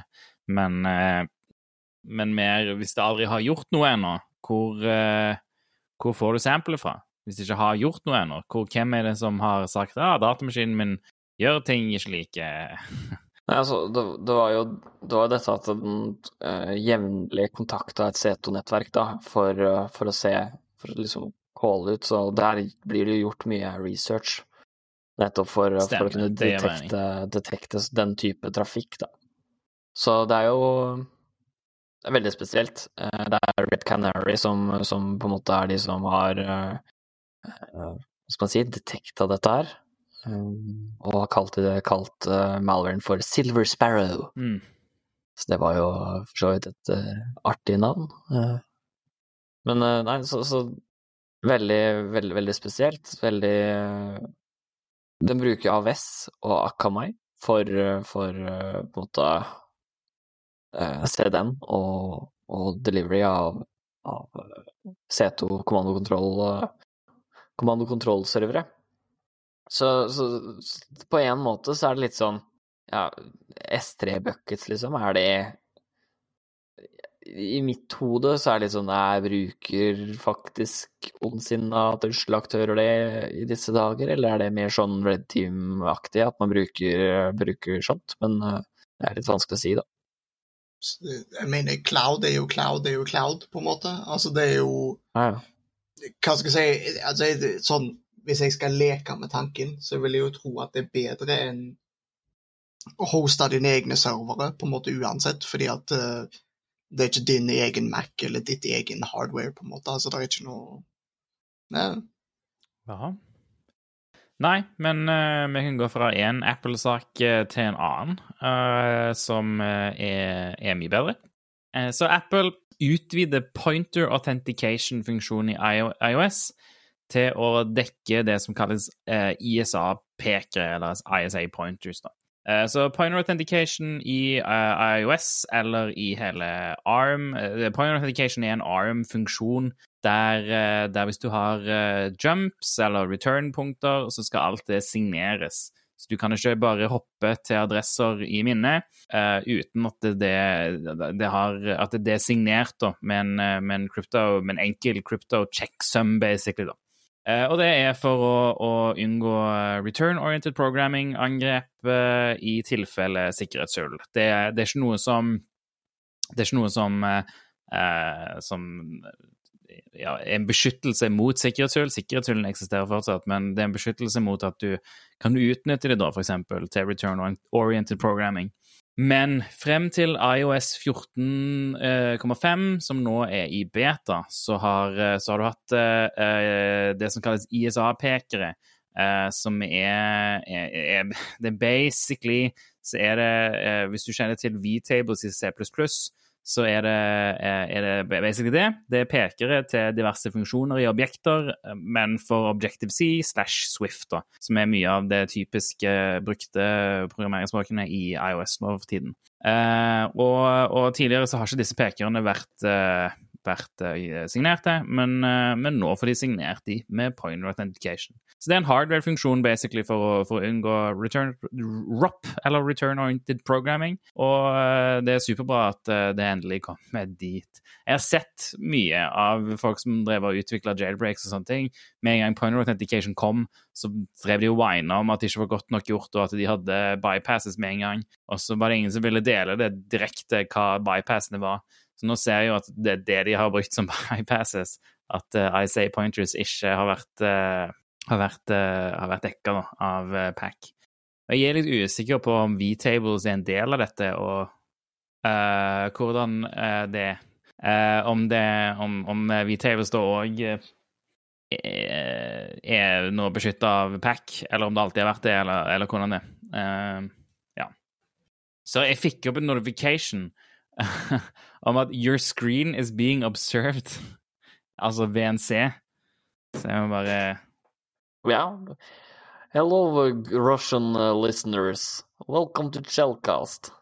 Ja, jeg vet hva det er for noe. Det er, det er Mac-en her, mm, det er Mac-en her uh, som har uh, Det er laptopen min som har uh, åpna seg i AppNap eller noe sånt, som han har aktivert den, og så har jeg hatt VNC åpen tidligere i dag til denne maskinen.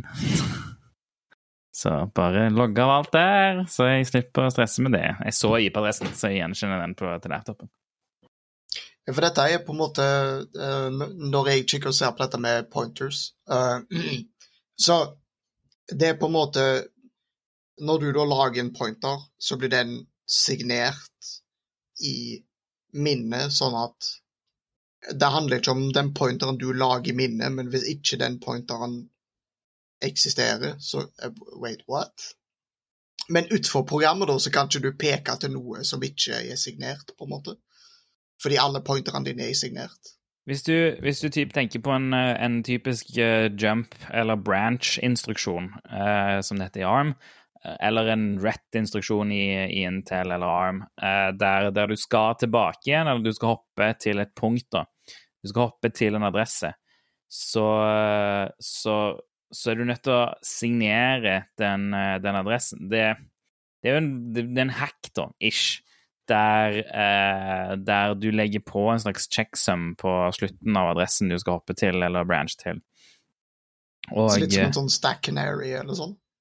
Ja, eh, ja det, blir, det er en mitigation, akkurat som stack canary er.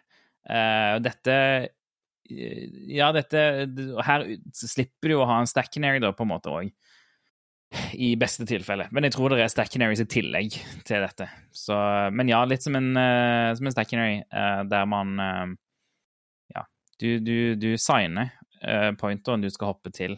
Så Og, og det, har, det har vært mye sånn workarounds og bypasses rundt det, rundt både Stackenaries og, og, og Point Authentication, der du bruker objekter som ligger i minnet, som har adresser som ikke nødvendigvis er til kode, så de har ikke trengt å være signert, og så ja, kan du gjøre ditt og datt, og objekter kan du du Altså, hvis du I noen programmeringsspråk, sånn runtime til Objective-C er ganske dynamisk, så der kan du gjøre ganske mye uten å nødvendigvis hoppe til kode. At hvis du lager objekter som er gode nok, sant, så eh, så kan du få ut ganske mye eh, informasjon dynamisk, og da kan du gjerne finne eh, kryptokeys òg til, til point authentication. Sant? Det It's all a really complex uh, thing, men uh, ISA-pekerne i hvert fall er, det er en god start. da. Og, og det, nok, det, har nok vært viktig for Apple å få, få gjort det på disse ISA-pekerne, fordi at Objective-C runtimen er såpass dynamisk som den er, at uh, du helt sikkert kan gjøre ganske mye uh, bare ved å, å, endre pointers og så ikke trenger å hoppe til noe kode i det hele tatt. Men jeg er ikke sikker. De, de, de deler ikke så mye, de som driver med exploit dev for, eh, for, iOS, fordi at iOS er såpass låst ned at hvis de mister en, en måte å bypasse exploit dev på, så Eller exploit mitigations på, så, så må de gjøre mye arbeid for å få det tilbake igjen. Så da, da er det lite de deler, da.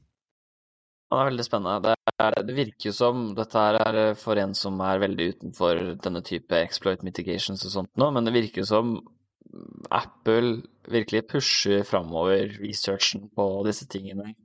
Uh, mye mer enn i hvert fall min opplevelse av Linux og Microsoft, av hva de gjør for å, for å på en måte unngå, unngå exploits, da. Mm. Så så, altså, men det, det er jeg veldig subjektivt. Jeg vet ikke om det stemmer sånn i realiteten, da. Men, eh, men sånn signed pointers og, og, de tingene der, det er jo veldig interessant. Altså, det, det høres jo veldig kult ut, men, men, samtidig så er jo uh, hva skal jeg si, Microsoft sin sånn antivirusløsning uh, state of the art at the moment, sånn som jeg forstår det. Så, så det er jo litt begge deler, på en måte. Ja, Apple har vært veldig flinke til å lage mitigations, sånn som dette. Det er eh, point of authentication, og uh, de var tidlig ute med Asler og Casler og, uh, og hele pakken der. Uh, men, men de, er de, er dessverre relativt dårlige til å skrive kode, så det er mye sikkerhetshull. Men folk sliter med alle mitigations som de har laget. Så det, det tar tid å lage en exploit, men det er lett å finne sikkerhetshullene hvis du skjønner. sant? Mm. Så, så, de hadde vært, de hadde vært uh, ja, Det hadde vært godt for dem om de var flinkere til å skrive sikker kode i tillegg. For nå så er de dårlige til å skrive sikker kode, men de er veldig flinke til å legge til sikkerhetsmekanismer som pack og sånt. Og de, de styrer jo òg nå prosessor og hele OS og nesten alt hardware i telefonen. Så de, de sitter i en ganske god posisjon til å legge til nye sikkerhetsmekanismer uten å måtte liksom gå gjennom hele supply chainen og liksom bla, bla, bla. Så de, de gjør på en måte mye det samme som det Microsoft gjør, da. Altså, det er sånn Microsoft sine produkter er inherently uh, usikre. Altså bare Nei, nei, her er et nytt uh, advanced threat protection-produkt som gjør at du er helt trygg mot uh, alle de andre tingene vi har fucka opp. Ja, jeg, bare, jeg tror Apple er for Jeg tror de er for stolt til å lage åpenbar antivirusprogram. De har sagt i så mange år at uh, Mac-er ikke får virus, og så uh, var de egentlig det. Og nå uh, fordi Det er et innebygd antivirusprogram på Mac-er. Det er det. Det heter Hva er det det heter for noe? Det heter X uh, Ah, nei. Uh, X Å oh, nei, jeg glemmer hva det heter. X-Defense. Nei, ikke X. Ah, faen, altså.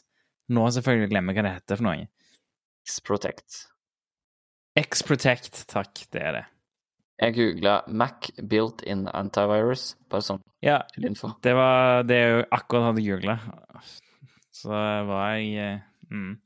Ja, X-Protect. De har, de har uh, Apple har innebygd uh, de, har, altså de har innebygd antivirus, men det suger uh, i forhold til sånn som Defender holder på, da. Men kult. Fra én ting til noe helt annet. Eh, litt sånn innenlandsnytt. Tiet Tieto Evry utsatt for løsepengevirus, melder eh, ja, diverse medier på internett. De påstår og sier at vi anser dette som en alvorlig kriminell handling. De fikk mandag tekniske problemer med flere tjenester som de leverte til 25 kunder, som skyldes et løsepengeangrep. Så har de fått et eller annet eh, slags type system, eh, ransomed, eh, som da har gått ned for ulike kunder. Blant annet, hva var det så, Fyrtårn, den derre miljømerkinga. Eh, ja, Fyrtårns miljømerkingstingen. De hadde noe, noe, ting som gikk ned, tydeligvis på grunn av, på grunn av dette her, da. Så veldig spesielt. Uh, det er jo ikke så lenge siden Soprasteria ble tatt av løsepengevirus. Eh, jeg vet ikke om det var i samme omfang som, som Altså hvilket omfang det var i. Om det her høres det relativt Det var bare i Frankrike, ja, ikke sant. Mm. Men selv dette her, 25 kunder, Tieto Evry har eh, ganske mange hundre kunder. Så det er på en måte 25 er ikke akkurat verdens undergang på en måte. Altså, det er ikke full compromise og brenn domenet ditt og start på nytt, typ. De, de, sier det at eh, som et forebyggende tiltak ble tjenesten og infrastrukturen rundt skrudd av, ettersom systemer og relevante data må startes igjen på en kontrollert måte. Det høres litt ut som at noen går rundt og sveiver i gang servere og liksom OK, er, er, er, trykket er bra, OK, fint. Uh, hva er temperaturen? Ja, den er bra, OK, da kjører vi i gang systemet.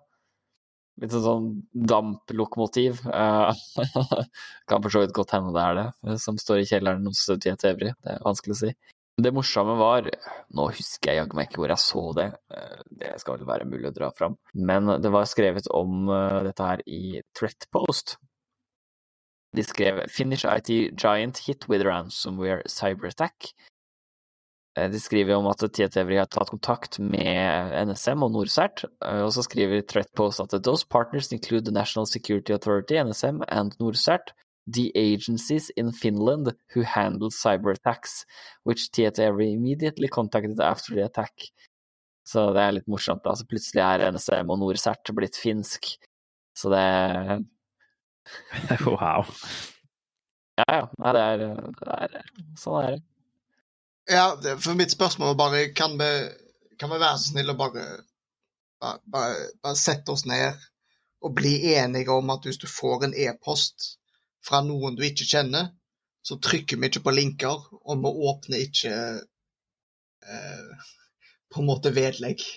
Vær så snill, folkens. Det er så mange løsepengevirus. Og altså um, Etter som jeg forstår det, så er det mye, mye lenkeklikking og mye åpning av, av, av, av vedlegg og sånn. Uh, nå vet jeg jo ikke om det er det som er i det, i det tilfellet her, men um, hva skal jeg si, altså Løsepengevirusene virker, virker, for meg som om de er på en måte hva skal jeg si, Det er veldig sånn lav terskel, høy payout-type uh, ting. Så det er selvfølgelig veldig trist for disse, og det er jo dataen der, altså.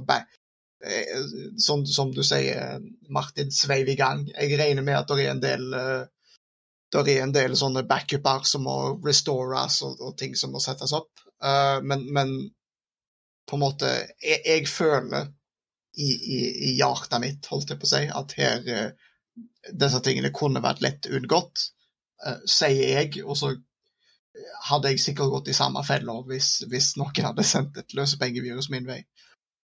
Jeg tenker det er litt som, litt som når vi snakket om FireEye og compromisen der. Eh, så, så, sa i hvert fall jeg at uh, jeg forventer at FireEye gjør en grundig jobb med hvordan de forteller og, og, og deler informasjon rundt den trusselen som de uh, så eller ble, ble, rammet av. Fordi at det er det, er det de det er de, det de predikerer, da. Altså, eh, FireEye i det tilfellet, de, de, var åpne for at man skal dele informasjon og gjøre community større og bedre og sånt noe. Uh, Tieto Evry, i, overført betydning her, er jo, vil jeg jo påstå si at de bør ha backup. Og hvis de ikke har backup, så, så, vil, så vil jeg ja, da facepalmer jeg veldig hardt. Men det virker som de har det, da. Så, så det er jo antageligvis bare en en blipp på radaren for dem sin del, at dette her er eh, noe de fikser i løpet av en relativt kort tid. Eh, så kan man argumentere for om det har jo tydeligvis gått noen dager da, siden, siden dette her inntraff, eh, og de har vel fortsatt ikke kommet helt opp og gå igjen, eh, så vidt jeg kunne forstå ut ifra de artiklene jeg har lest.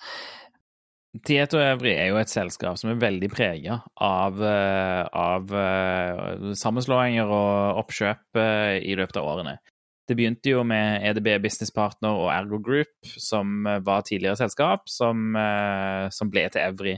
Og så ble Evry og Tieto, som var norsk og finsk, til Tieto Evry. Som jeg synes var veldig ukreativt, men det får være sin egen sak.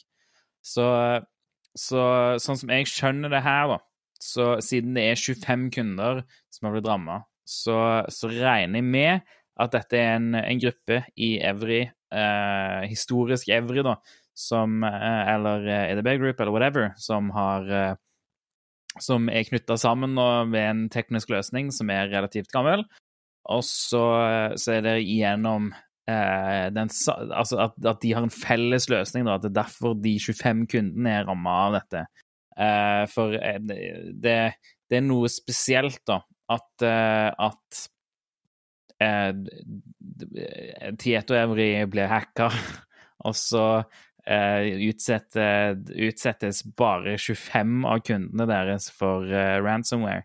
Det, det, er åpenbart at her er det en felles løsning som, som noen har gått gjennom. Om det, om det, et, om det er et eget trusted forest domain, something, something, something, ja, det som, eh, som noen har gått gjennom, og, eh, og derfor kunne ja, sende ransomware da, eh, til, til, alle maskinene i, i 25 forskjellige domener.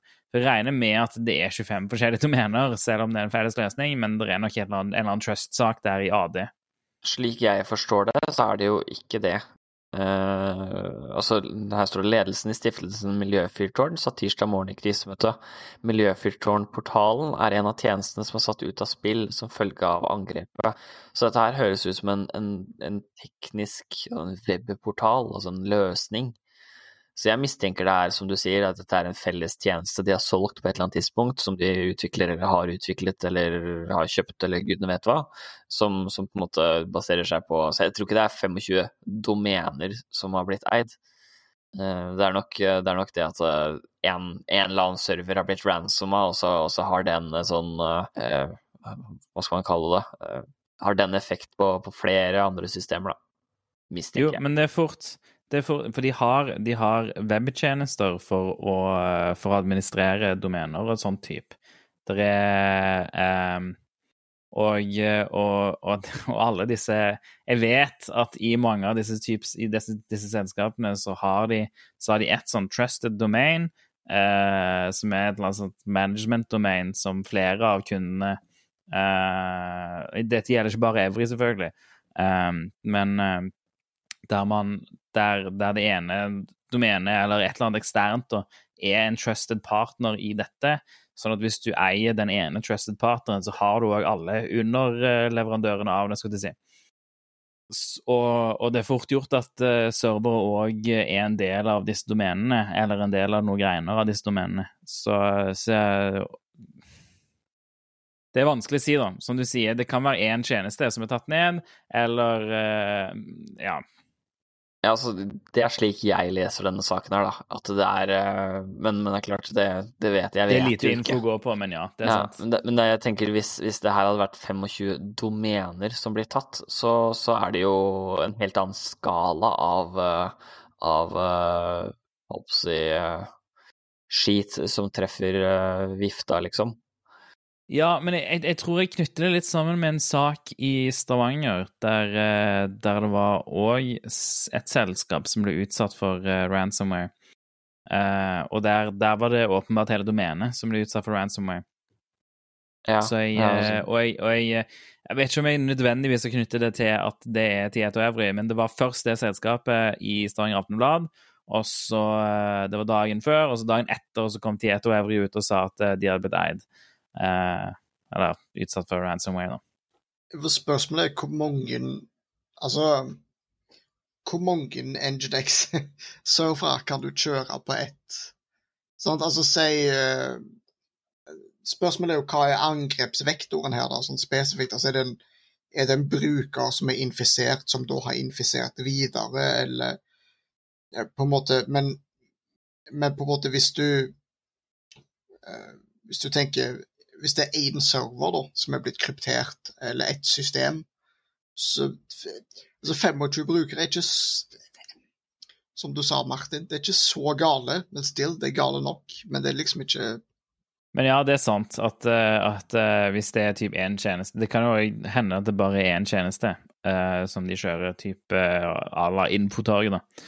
Der, der den blir tatt ned, og så, og så, er det bare 25 kunder som har hatt noe med den å gjøre og brukt den som et slags API eller et eller annet videre. Og da kan man jo si at 25 kunder er påvirka. Det er veldig spesifikt å si at 25 kunder er påvirka. Med flere tjenester, med flere tjenester de leverer til 25 kunder. Sant? Så det er ikke bare ett API-type.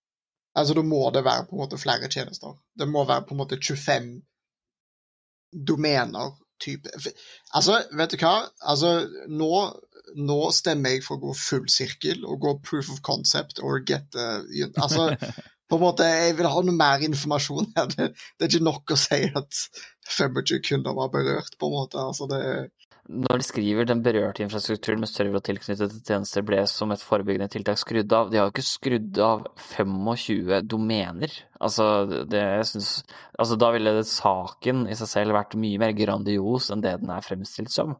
Jeg syns det ville vært veldig rart. Kommer an på kundene, det. Hvis du ikke bryr deg om kundene dine, så Men klart, så har de jo innblanda inn NSM og sånt noe, da, så, så, det er litt rart, det også. Men det kan jo være etterforskningssteget, altså for å Det kan være Ja, nei, jeg vet ikke. Så jeg, jeg... Vet ikke det Recovery 101, på en måte? Kontakt NSM? Mm.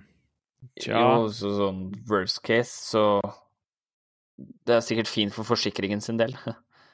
De pleier ikke bistå i de, jeg, jeg, regner med at de må at de, de, de, må fortelle det på et eller annet vis, men de pleier vel ikke bistå i håndtering av saker? I, hos private selskaper? Ja, eh, Hvis ikke jeg husker feil, så gjør de ingenting for deg, men du kan rapportere casen din til deg på et Ja, annet for, men for her, her spesifikt, og jeg reagerer på dette Her spesifikt eh, står det at de, de NorCERT og NSM bistår selskapet i håndtering av denne saken. Og jeg vil påpeke at når eh, Utenriksdepartementet ble fisha, så eh, kommenterte NSM at de ikke brydde seg. Basically. Da var det liksom sånn Ja, OK, det, men det, vi gjør ikke noe med det. Men, men det som står her, er at det, igjen i E24-saken, så står det at eh, NSM har mottatt beskjed fra Tøveri og sier de støtter selskapet i håndtering av situasjonen. De har tatt kontakt med oss og politianmeldt saken. Vi støtter dem i deres arbeid og ser om tilsvarende skadevare er brukt andre steder. I tillegg støtter vi bedriften i gjenoppretting av infrastrukturen.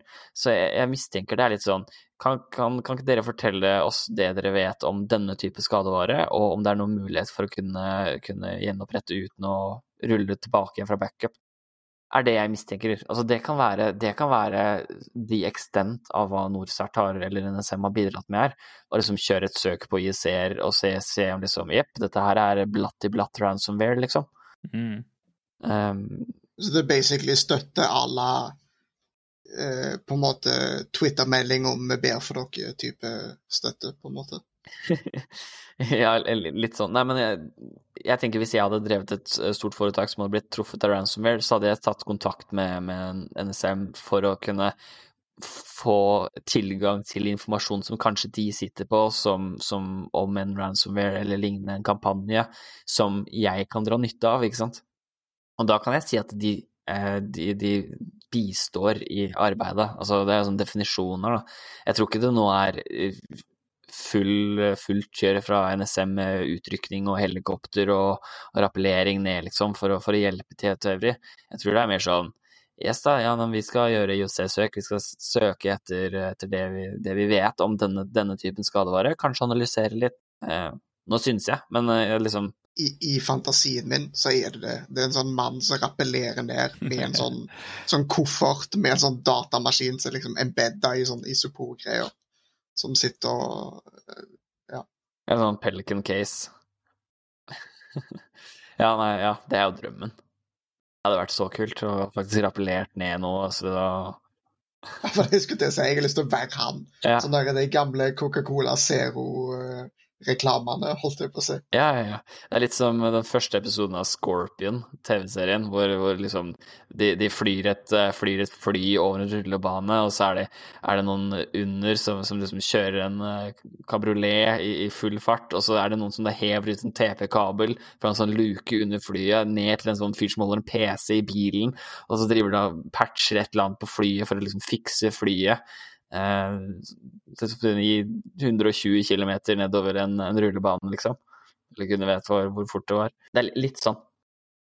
Nei, men fra en ransomware-sak til ikke en annen, for så vidt, men et hackerangrep mot eh, Norge. Norge! Politiet etterforsker hackerangrep mot vann og avløp i Drammen kommune, og der har de eh, ikke gitt sånn veldig mye informasjon. De har vært veldig tilbakeholdne på det, av åpenbare grunner.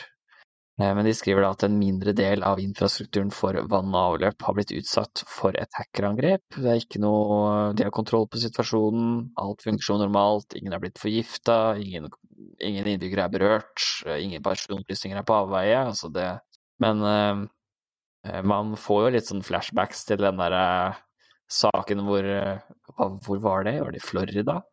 Å ja, Florida. Ja, Florida. Det var i ja, tidligere forrige uke, var det ikke det? Hvor dette vann, vannverket ble hacket, og ja, to uker siden, de hadde miksa litt Riktig. Miksa litt mer kjemikalier i, i vannblandinga. Mm. Så man får litt flashbacks til det, da. Spesielt når det ligger så tett i tidsrom. Mm -hmm. Det kan jo være Skal ikke se bort ifra at det kan være noen som har tenkt at hæ, kanskje vi kan finne det i lokale kommunen. Det er vanskelig, vanskelig å si. For, for da begynner det jo å bli en del kommuner som har blitt hacka her nå.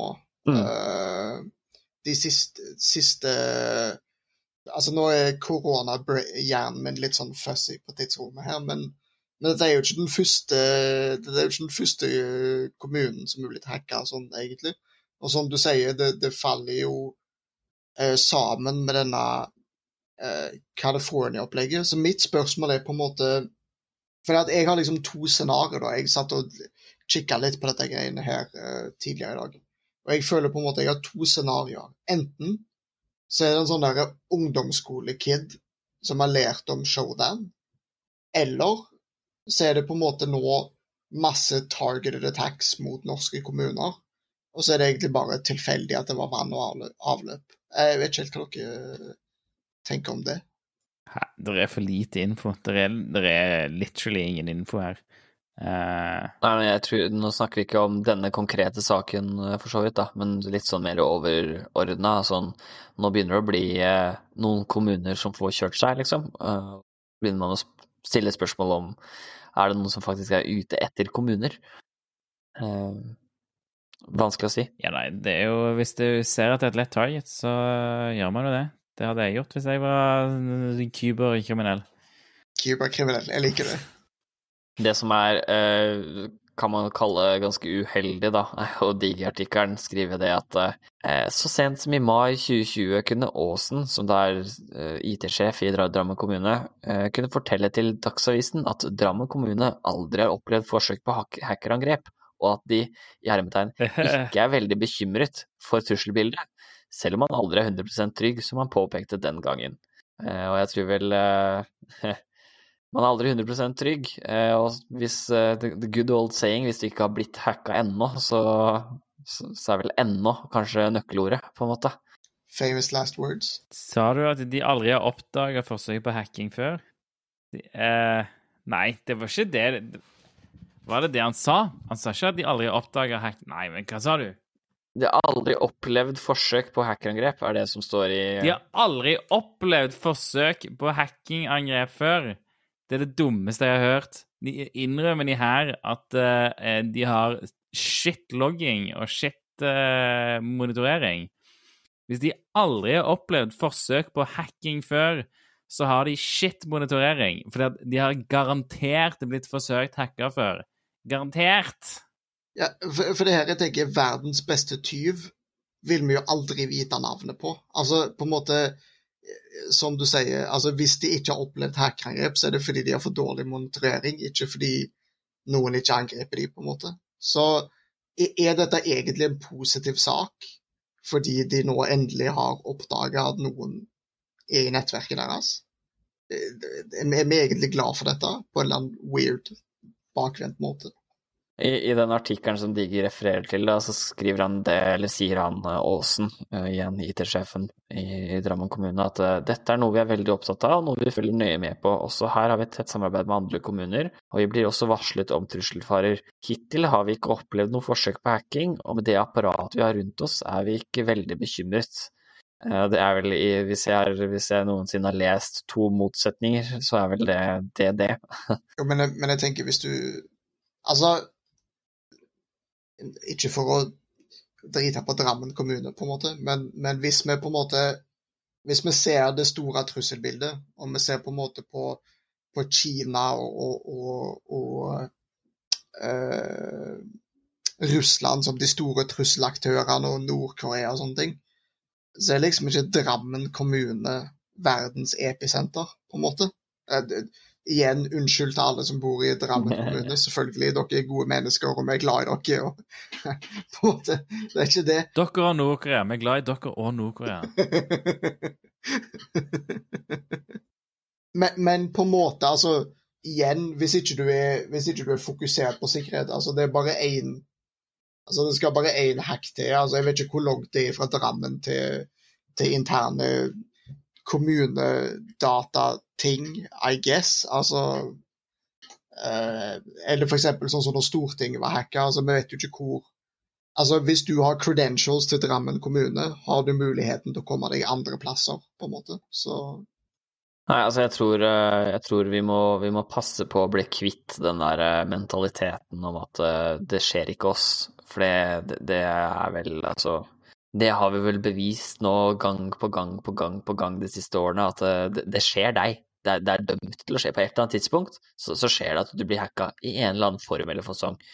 Eh, om det er eh, ransomware via dokumenter på mail som er sendt til eh, milliarder av andre, det, det kan godt hende, men på et eller annet tidspunkt så kommer du til å ryke, til å ryke på en smell, liksom.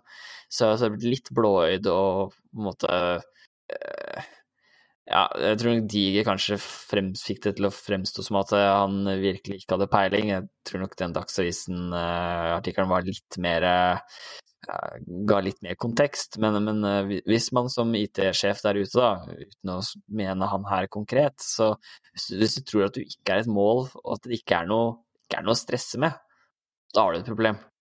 Ja, det er jeg for så vidt enig i. Fordi jeg mener om ikke annet så er det, en, er det nodig et botnett, på en måte. Så I mean Ja, så hackerangrep kommer i alle former og fasonger, da. Det kan være alt fra én person som mister tilgang til Altså mister brukernavn og passord. Eh, det kan være ransomware, det kan være nasjonsstat, det kan være Altså, det kan være en elev på en skole som leker og har det gøy eh, og finner passordene på et felles filskjer. Altså, er, du har hele spekteret, da. Eh, og alt er på en måte hacking. DDoS kan man jo argumentere om er hacking eller ikke, men altså man, blir, man kommer til å bli targeta på et eller annet tidspunkt, så, så, det er på en måte bare å preppe for det. Ja, for det, det, er jo her på en måte spørsmålet mitt kommer inn, fordi at i og med at det er så lite informasjon her, er det på en måte er dette en random login på et usikra system som er klassifisert som et hackerangrep, eller er det større?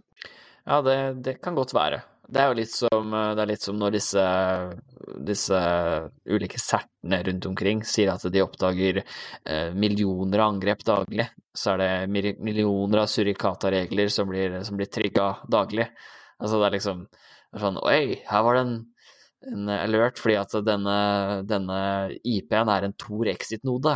Det er litt sånn Yes, det er ikke et hackerangrep, men eh, så, så, det er liksom sånn definisjonen av et hackerangrep, da. Eh, hva er det for noe, ikke sant? Ja. Nei, det var eh, så vidt jeg vet, i hvert fall, det vi hadde for i dag.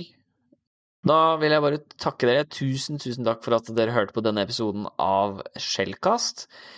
Eh, husk, har du bidrag eller spørsmål, har du noe kule Warsters å fortelle, kunne du tenkt deg å være gjest, kanskje?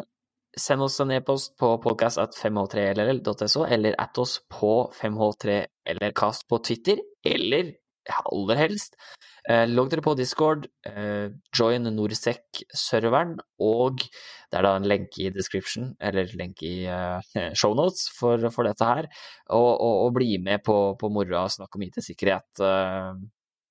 Og andre ting på, på den Discord-kanalen. Så der finner dere ja, Det er vel alle fra, fra Shellcast er vel er inne der. Så ja, hvis dere har noen spørsmål eller har lyst til å rante på noen av oss, så, så feel free. Det, vi, vi, kommer til å ta dere imot med åpne armer. Så håper vi hører fra dere. Så fram til neste uke. Takk for at dere hørte. Ja, ja å, nå glemte jeg å nevne deg i utroen, Elisabeth. Ah, du kommer til å klippe inn dette, ikke sant? Og tusen hjertelig takk til deg, Elisabeth, for at du nå klipper denne episoden, sånn at den blir supersmooth, og alle som lytter, eh, ikke hører alle ene, øne og mellomrommene i, i, det vi forteller. Så tusen hjertelig takk til deg også. Jeg tror det er mellomrommene mellom, eh, mellom når er litt usikre på om noen skal snakke eller ei. Jeg tror de er verst. De er mest awkward. Å se øh og sånt, det, det er som det er så er det det når du liksom driver og tenker, og så kanskje du mister den tanke... Hva kaller man det? Tankelinjen du, du er på, og så faller ja. litt ut. Tankebue, som dramalæreren min på folkehøgskolen ville ha sagt. Tankebue? Tankebue. ok. Se for deg en, eh, en, eh, et tankepolygon.